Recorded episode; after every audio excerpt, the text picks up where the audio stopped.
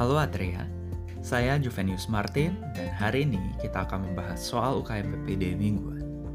Soal hari ini adalah seorang wanita usia 38 tahun dibawa ke IGD dengan keluhan afasia dan kelemahan pada sisi kanan tubuhnya. Gejala awalnya berupa nyeri kepala ringan dan mual muntah sejak dua hari yang lalu. Pasien juga mengeluhkan urin yang gelap sejak dua hari ini. Pada pemeriksaan tanda vital, didapatkan tekanan darah 150 per 98 mm raksa dengan suhu 39 derajat Celcius. Saat manset dilepaskan, tampak PTQ pada lengan di mana manset tersebut berada. Pasien tampak dikterik dengan konjungtiva anemis. Pemeriksaan lab menunjukkan HB 9,3 gram per desiliter, trombosit 20.500, bilirubin dan LDH meningkat, serta bun dan kreatinin yang normal. Pemeriksaan darah tepi menunjukkan skistosit. Apakah diagnosis yang paling mungkin pada kasus ini? A. Trombotik trombositopenik purpura B. Hemolytic uremic syndrome C. Von Willebrand disease D. Disseminated intravascular coagulation dan E krisis hipertensi. Saya akan memberikan waktu kepada teman-teman selama beberapa detik untuk menentukan jawaban yang paling tepat.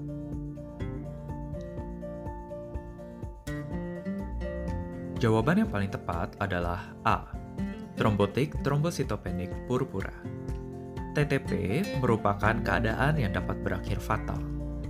Pada penyakit ini, trombosit terdeposisi pada mikrosirkulasi organ-organ vital Hal ini menyebabkan penyempitan pembuluh darah. Akibatnya, sel darah merah kesulitan untuk melewati pembuluh darah yang menyempit tersebut dan menyebabkan kerusakan membran dari sel eritrosit. Hal ini dapat menyebabkan dua temuan, yakni gambaran anemia hemolitik dan skistosit yang merupakan sisa eritrosit yang terfragmentasi. Lalu, mengapa trombosit dapat terdeposisi pada organ vital di pasien ini? Untuk menjawab pertanyaan ini, kita perlu mengerti bahwa ada dua penyebab TTP yang paling sering, yakni idiopatik dan sekunder. TTP idiopatik merupakan jenis yang paling sering dan disebabkan oleh munculnya autoantibodi terhadap enzim ADAM-TS13. Enzim ini berperan untuk mendegradasi von Willebrand factor, sehingga enzim ini berguna untuk menekan proses pembekuan darah.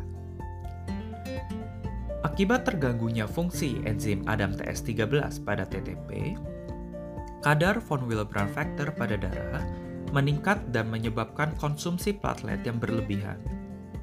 Akibatnya, trombosit menjadi terdeposisi secara berlebihan dan pada akhirnya menyebabkan trombositopenia karena proses trombosis yang terjadi terus-menerus. Kunci kasus ini adalah dengan mengenali 5 gejala klasik pada TTP atau 5 manifestasi klasik pada TTP yang kita sebut sebagai pentat TTP. Manifestasi ini adalah satu Demam 2. Gejala neurologis 3. Trombositopenia 4. Anemia hemolitik, dan 5. Gangguan ginjal. Pada kasus, mungkin tidak semua manifestasi ini terpenuhi. Namun, biasanya akan ditunjang juga dengan pemeriksaan penunjang lainnya yang mengarahkan kita ke diagnosis TTP, seperti gambaran trombositopenia dan adanya skistosit pada apusan darah tepi. Terapi utama pada kasus ini adalah plasma exchange atau plasmaferesis. Penting diingat bahwa transfusi platelet merupakan kontraindikasi, kecuali bila pasien mengalami perdarahan yang mengancam nyawa. Hal ini disebabkan karena pemberian platelet tambahan dapat menyebabkan mikrotrombus yang lebih parah pada organ dalam, sehingga dapat menyebabkan iskemia organ dan kematian. Mari kita lihat pilihan-pilihan lainnya. B.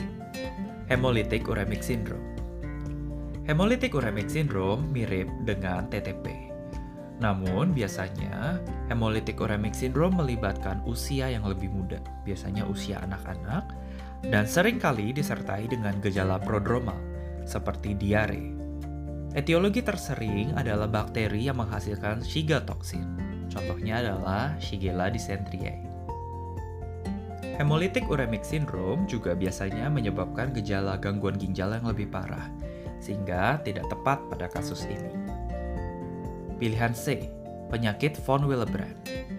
Penyakit von Willebrand ditandai dengan defisiensi atau disfungsi dari faktor von Willebrand.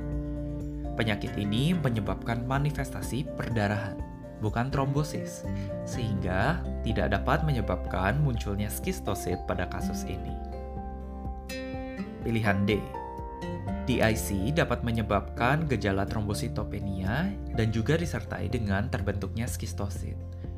Namun, biasanya DIC terjadi pada keadaan khusus, seperti sepsis maupun kehamilan. Kondisi penyerta ini tidak ditemukan pada kasus, sehingga pilihan D bukanlah pilihan yang tepat. Pilihan E, krisis hipertensi. Skistosit merupakan tanda dari adanya hemolisis mikroangiopatik. Tentunya pasien dengan krisis hipertensi dapat mengalami keadaan ini akibat penyempitan pembuluh darah yang berlebihan. Namun, pada kasus ini, tekanan darah pasien masih belum memenuhi kriteria krisis hipertensi, yakni sistol di atas 180 mm raksa atau diastol di atas 120 mm raksa. Sehingga pilihan E bukanlah pilihan yang tepat. Untuk merangkum, ingat bahwa TTP merupakan penyakit yang menyebabkan penggunaan platelet yang berlebihan, sehingga menyebabkan trombosis pada pembuluh darah kecil. Ada pentat manifestasi yang terjadi, yaitu satu demam, dua gejala neurologis, tiga trombositopenia, empat anemia hemolitik, dan lima gangguan ginjal. Terima kasih telah bergabung bersama Atria Cast hari ini. Kami tunggu teman-teman di episode berikutnya.